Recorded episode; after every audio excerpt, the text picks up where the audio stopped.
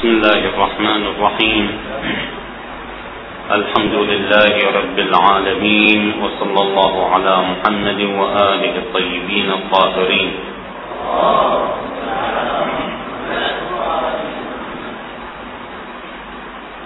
ذكرنا بالأمس حركة السفياني وكيف يتحرك من بلاد الشام ويحاول دخول العراق وستصادفه معركة عظيمة. تسمى بمعركة قرقيسيا. وهي مأدبة الله أو مائدة الله من لحوم الجبارين لطيور السماء. كما عبرت عنها بعض الروايات.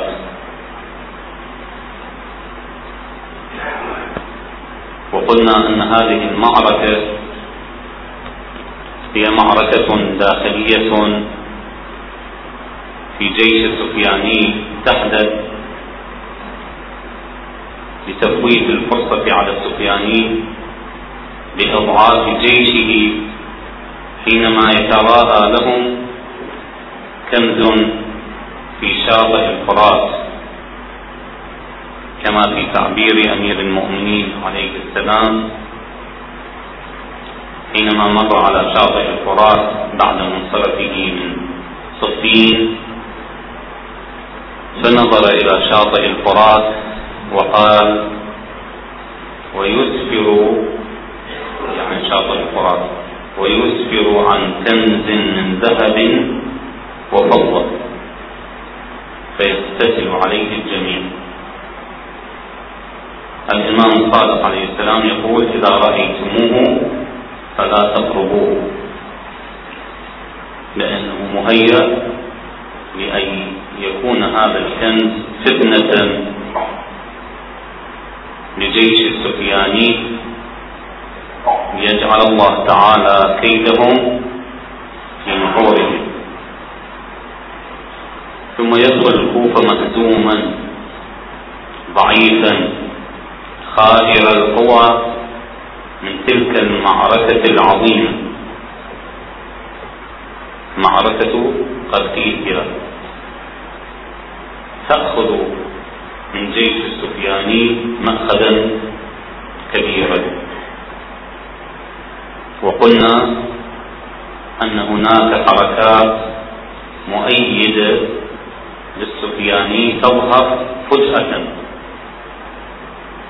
تحاول تمهيد الأمر للسفياني وأخذ البيعة له والضغط على العلماء في الكوفة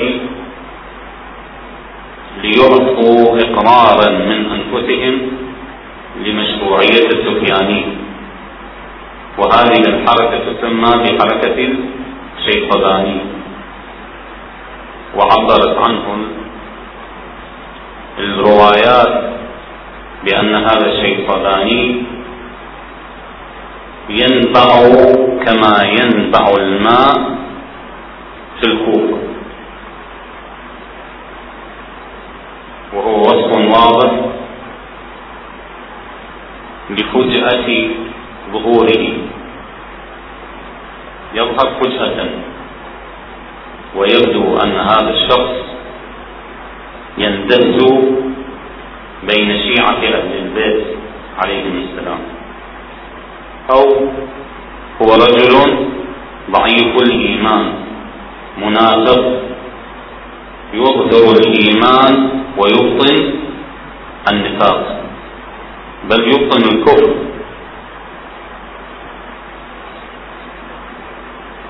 اسمه الشيطاني نعم. طبعا الشيطاني ليس بهاشمي وليس بشيعي وليس بشيء آخر. صفة من صفات الشيطان. الشيطاني صفة أو لقب من ألقاب الشيطان. السفياني يدخل الكوفة ويجلس على منبر مسجدها. ثم بعد ذلك يستتب له الأمر ويوزع العمال في الكوفة. و ما صرحت بذلك الروايات. وبعضهم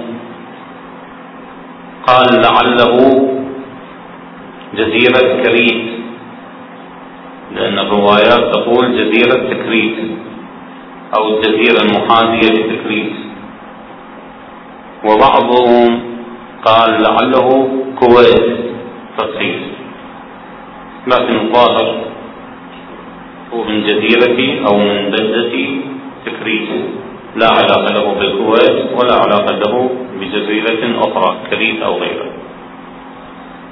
لأن الجزيرة إذا قيل جزيرة تنصرف إلى الجزيرة الغربية الموجودة في العراق. أما إذا قيل جزيرة العرب يعني ذلك الحجاز الروايات تقول من الجزيرة ويبدو أنه من الجزيرة محاذيا إلى الحدود السورية. يحاول أن يجمع قوات ليصد السفياني أو ينافس السفياني لكن نهاية السلمي أو عور السلمي تكون سريعة جدا حيث يقضى عليه أو يقتل في مسجد دمشق. إما أن يؤتى به أسيرا إلى دمشق وإما أن يغتال اغتيالا يعني تجري عليه محاولة اغتيال فتنتهي حركة عون لم يجد السفياني أية معارضة عند توجهه إلى بغداد. لكن لم يستطع الدخول إلى بغداد. الروايات لم تحدثنا أو لم تحدثنا أنها أنه يدخل إلى بغداد. على مشارف بغداد. لكن يجد هناك من يؤيده ويقف إلى جانبه. يجعل له واليا في تلك المناطق. وبعض الروايات تقول أن السفياني سيجعل من ولده عنبسة واليا على المدائن. منطقة المدائن. ولده الأكبر. وأحد أولاده المسمى بسفيان أيضا تناط إليه مهمة إدارية وعسكرية. في أحد المناطق. يتوجه السفياني إلى البصرة. البصرة ثلاث دخلات يعني ثلاث مرات. ليعز أو ليدل عزيزها كما تعبير بعض الروايات. ليدل عزيزها الظاهر ثلاث أخلاق أنه لم يستطع الدخول إما أنه لم يستطع الدخول في الأولى فيرجع ثم يحاول الدخول في الثانية فلم يستطع فيرجع. ثم يحاول الدخول في الثالثة فيقتل فيها ما يقتل.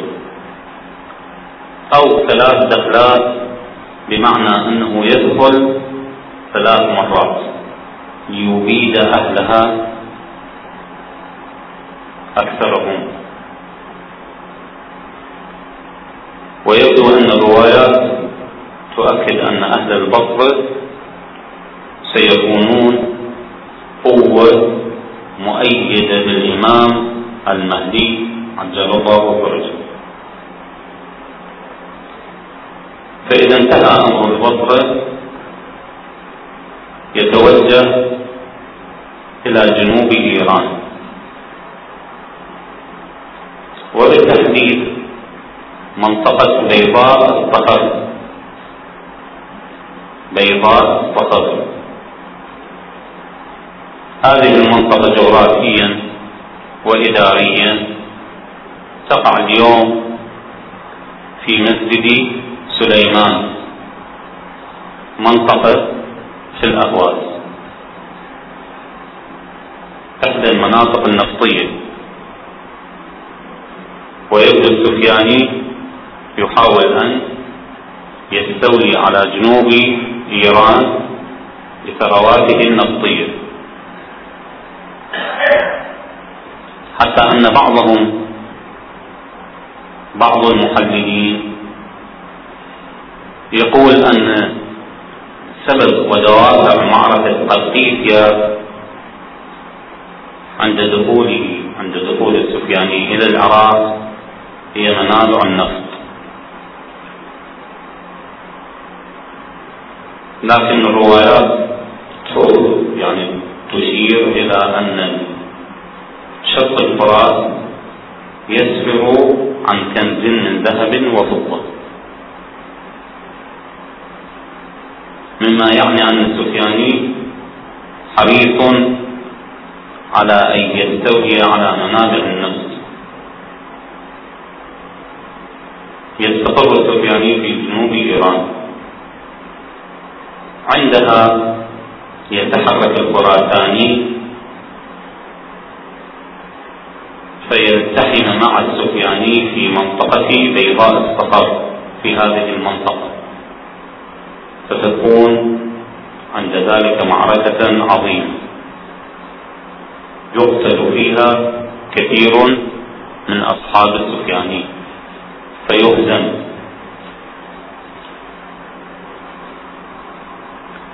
هذا الجيش الثاني أو القوة الثانية للسفياني. القوة الأولى في الكوفة. وتتوجه إلى بغداد. والقوة الثانية تتوجه إلى البصرة وتحتل جنوب إيران. القوة الثالثة طبعا السفياني لم يكن في كل هذه المعارك قائدا ميدانيا. يوكل مهمة القتال إلى بعض أولاده أو مساعديه. روايات تقول لديه ولدين مشؤومين أحدهما عنبسة والآخر سفيان. يتوجه الجيش الثالث إلى المدينة.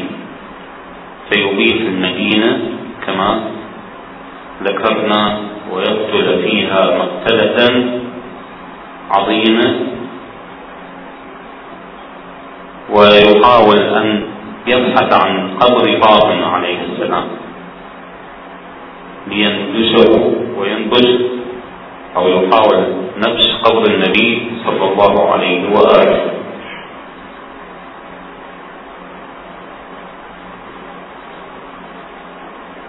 تنتهي هذه المعركة بالخسف بالبيداء كما ذكرنا وهي العلامة الثانية.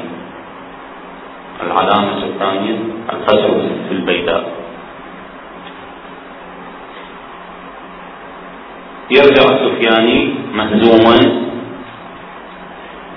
بعد أن يقع يوقع فيه خسف في جيشه. وليس هو معهم. لكن تأتيه الأخبار عن طريق النذير كما قلنا.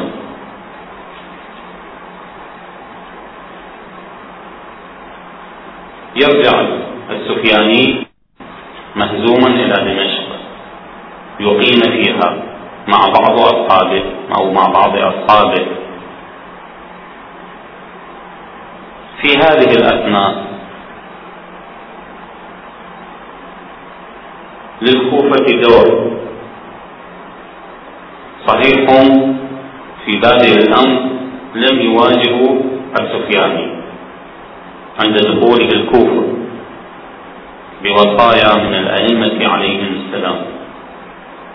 حينما يسأل أحدهم الإمام الصادق عليه السلام فيقول ماذا نفعل بالنساء والعيال؟ إذا الرجال إذا اختفوا لم يتعرض لهم السفياني لم يستطر لأنه يرجع مهزوما خائفا من هذه المعركة معركة قديسة معركة إعجاز. إعجاز. لولا هذه المعركة لم يبقي السفياني شيء أو أحد من أهل الكوفة إلا قتله. لكن الله تعالى يتدخل بإعجاز في إنهاء جيش السفياني. لكن على قلة هذا الجيش السفياني يحاول أن ينفذ خطته. أهل الكوفة حينما يرجع السفياني أو يسمعون بانتصارات السفياني وانهزامهم انهزام جيشه من معركة بيضاء الصخر ينهزمون فلول السفياني فلول جيش السفياني ينهزم يمر بالكوفة يخرج إليه مجاميع. تسمى أهل القصب فيخلصون النساء والأسارى من أيدي جيش السفياني بعض الروايات تقول أهل العصر يحملون أسلحة خفيفة ليست لهم إمكانية بحمل سلاح ثقيل. الروايات تقول يحملون القصد والبردي والبردي فيعترضون جيش السفياني المنهزم ويخلصون ما بقي من الأسارى من أيديهم من أيدي جيش السفياني ولعل القصب والبردي إشارة إلى ضعف السلاح أو إشارة إلى ضعف جيش السفياني أنهم يطاردونهم بعد ذلك بالقصب والبردين يذلهم الله تعالى. يرجعون منكسرين يأتي السفياني حتى ننهي قضية السفياني يأتي السفياني إلى دمشق فيقيم فيها. فيرتكب كل معصية. ويقيم على شرب الخمر واللهو كما في تعبير بعض الروايات. ويأمر أصحابه بذلك يعني يتظاهر حتى بالفسق والمجون في دمشق. الإمام عليه السلام بعد أن تكتمل حركته ويكتمل تكتمل مهمته في القوة ويثبت أركان ملكه بعد فترة يحاول أن يتوجه إلى البلدان الغربية. يبدأ من فلسطين تواجد اليهود.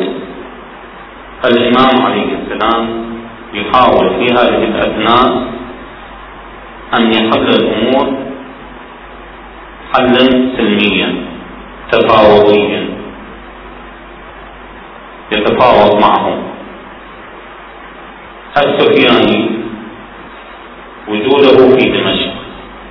صاحب دمشق يعني حاكم دمشق لكنه رجل ضعيف منكسر مهزوم. الإمام عليه السلام. لا يريد أن يدخل بمعركة أو في معركة مع السفياني الآن. عنده أهم وهو العبور إلى الجهة الأخرى. ليأخذ البيعة من اليهود وغيرهم. تقول الروايات حينما يخرج الإمام عليه السلام إلى دمشق أو إلى مشارق دمشق يصعد إلى السفياني ليتفاوض معه.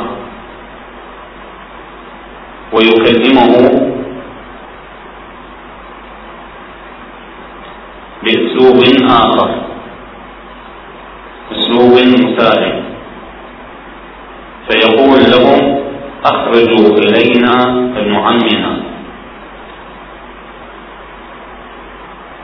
شيء متعارف بين بني هاشم وبني أمية.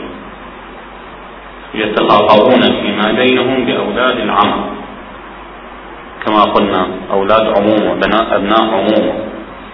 رغم هذا العداء والخلاف مروان بن الحكم يخاطب الإمام الحسين عليه السلام في بعض الأحيان بابن العم. مصالح تقتضي ذلك. الإمام عليه السلام يريد أن يدفع شق السفياني ومشاكل السفياني يريد أن يحجم حركة السفياني يريد أن لا ينشغل بشيء ثانوي لأن السفياني منهزم مكسور لا يشكل خطرا. الإمام عليه السلام عنده مهام أعظم وأكبر. لذا يحاول أن يحتويه يحتوي سفيان. فيقول لهم أخرجوا إلينا ابن عمنا. يخرج سفيان. يتفاوض معه الإمام. يعلن السفياني بيعته للإمام. واستسلامه له. بعض الروايات تقول موقف السفياني أولا لهزيمته هذه البيعة. يتخذ هذه البيعة ويتخذ قرار البيعة لهزيمته أولا. وثانيا لضغوط من داخل جيشه المتبقي. لأن جيشه بعد هذه الهزائم يعرفون أنه شيء تافه. هذه المعارف وهذه التحركات لم تجدي نفعا فيضغطون على السفياني بقبول هدنته أو صلحه مع الإمام عليه فيقبل السفياني ويرجع إلى أصحابه ويقول قد بايعت الإمام. بعض المقربين للسفياني وهم كلب بنو كلب وهم أقوالا يبدو أنهم مسيحيون لم يسلموا. بعض الروايات أو بعض المحللين يقولون أنهم لم يسلموا هؤلاء. فينسمونه يعني يلومونه. يلومون السفياني كيف قبلت بهذا الصوت؟ فينجمونه ويقولون نحن معك. ارفض هذا الصوت. فيعلن السفياني تراجعه عن ذلك. فلما الإمام ذلك يضع السيف فيهم فيقتلون. ويقتل السفياني كما ذكرنا أنه ينهزم.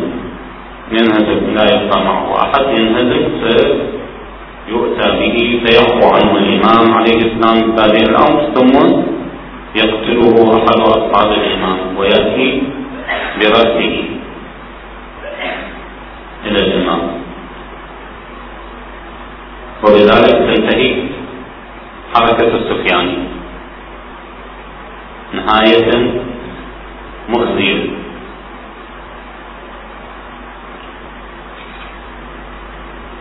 الآن يمكن أن نستعرض بعض الروايات لنقف على مصادرها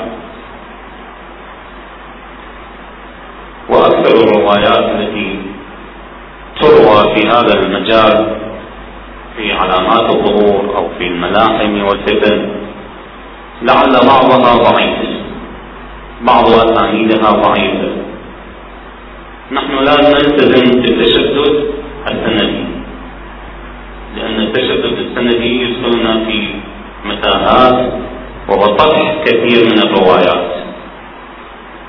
لكن بالجملة الروايات تعاضد بعضها بعضا لتقدم لنا صورة إجمالية عن ملاحم الظهور.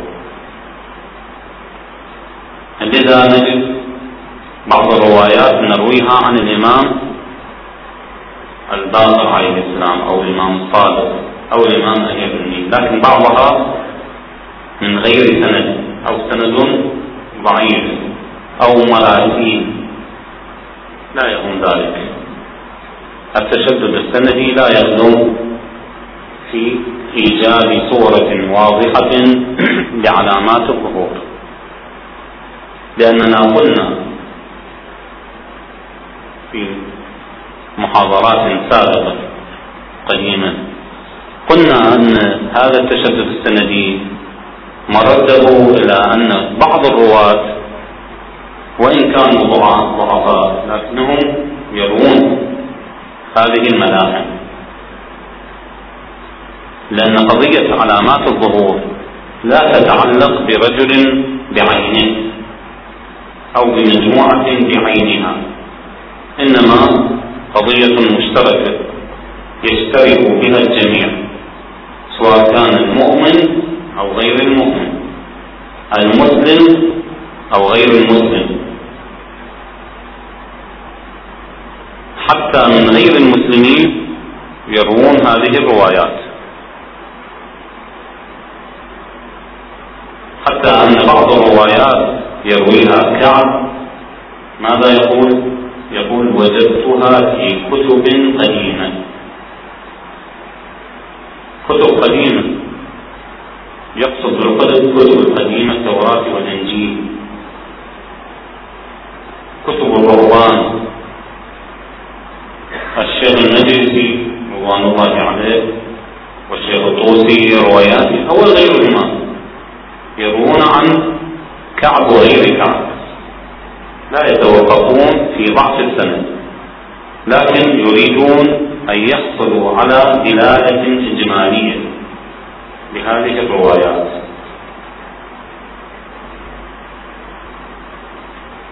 إذا لا نتوقف في ضعف هذه الروايات أو مراسيلها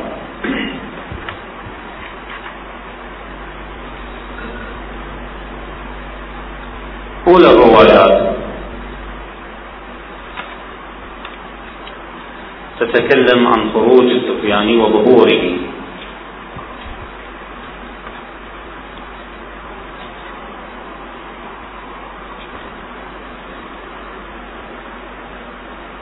عن الإمام زين العابدين عليه السلام إن أمر القائم حتم من الله وأمر السفياني حتم من الله. ولا يكون قائم إلا بالسفياني يعني لا يتخلف لا تتخلف هذه العلامة. محتوم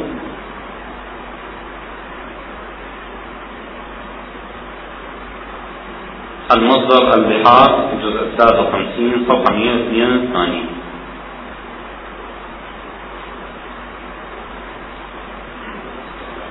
كذلك عن الإمام الصادق عليه السلام من الأمر المحتوم من الأمر محتوم ومنه ليس بمحتوم ومن المحتوم خروج السفياني في رجب. يعني بين خروج سفياني وبين ظهور الإمام عليه السلام أشهر خمسة أشهر أو أقل. الإمام عليه السلام ظهوره في محرم. حسب الروايات. في يوم العاشر من محرم. يوم السبت. بعض الروايات تقول يوم العاشر من محرم وعيد نوروز أو يوم أو يوم نوروز. يتفق. العاشر من محرم ويوم نوروز. يوم السبت. يظهر الإمام السلام. بين ظهور السفياني وخروج السفياني وظهور الإمام من رجب إلى محرم خمسة أشهر تقريبا أو ستة. المصدر الغيبة النعماني صفحة 300 اسم السفياني. ونسبه. السفياني نسبة إلى أبي سفيان. اسمه خالد اسمه عثمان ابن عمدة ابن عيينة من أولاد خالد ابن يزيد ابن معاوية. نعم. نعم. دائما الأئمة عليهم السلام يؤكدون على اسم وملامح وصفات شخصيات الظهور السلبي.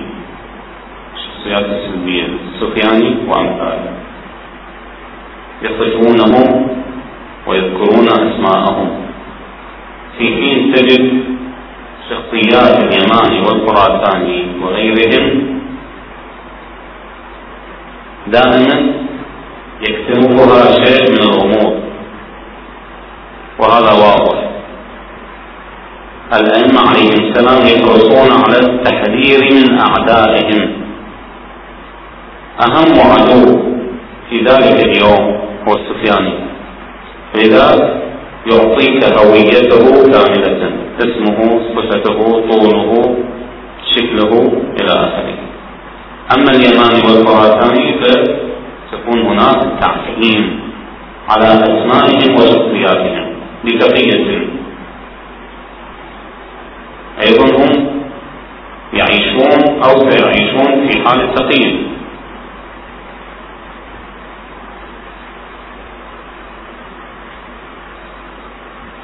عن الإمام علي عليه السلام قال يخرج يخرج ابن آكلة الأكباد من الوادي اليابس الوادي اليابس معروف في دمشق.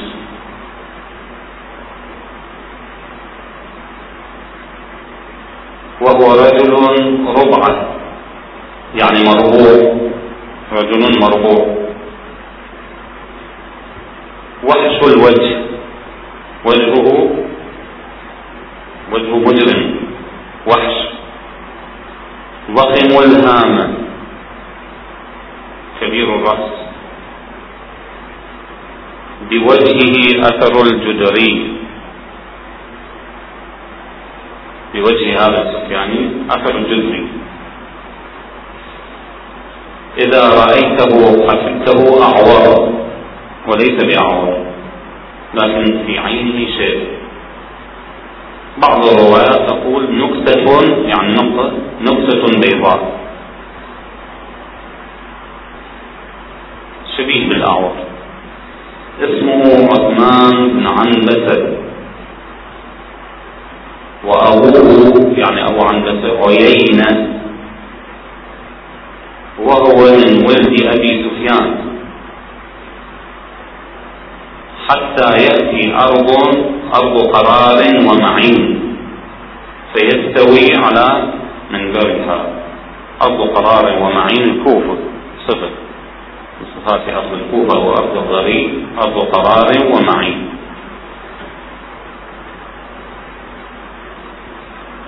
البحار جزء 52 فوق 205 طبعا بعض الروايات تؤكد أنه ينتسب إلى خالد بن يزيد بن معاوية. عن الإمام الباقر عليه السلام السفياني أحمر أشقر أزرق. شكله أحمر شعره أشقر عيناه زرقاوتان. إما أن تكون عيناه زرقاوتان وإما أن تكون صفة.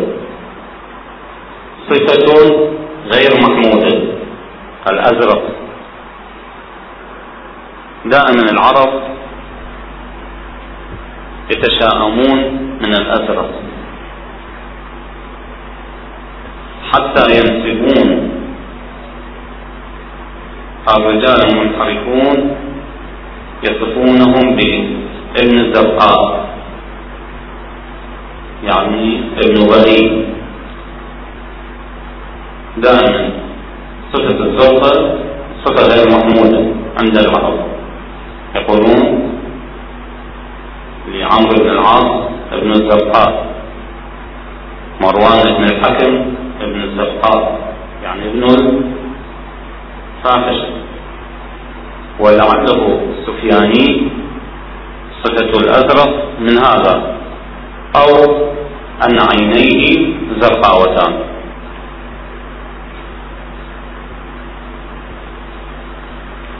السفياني أحمر أشقر أزرق لم يعبد الله قط.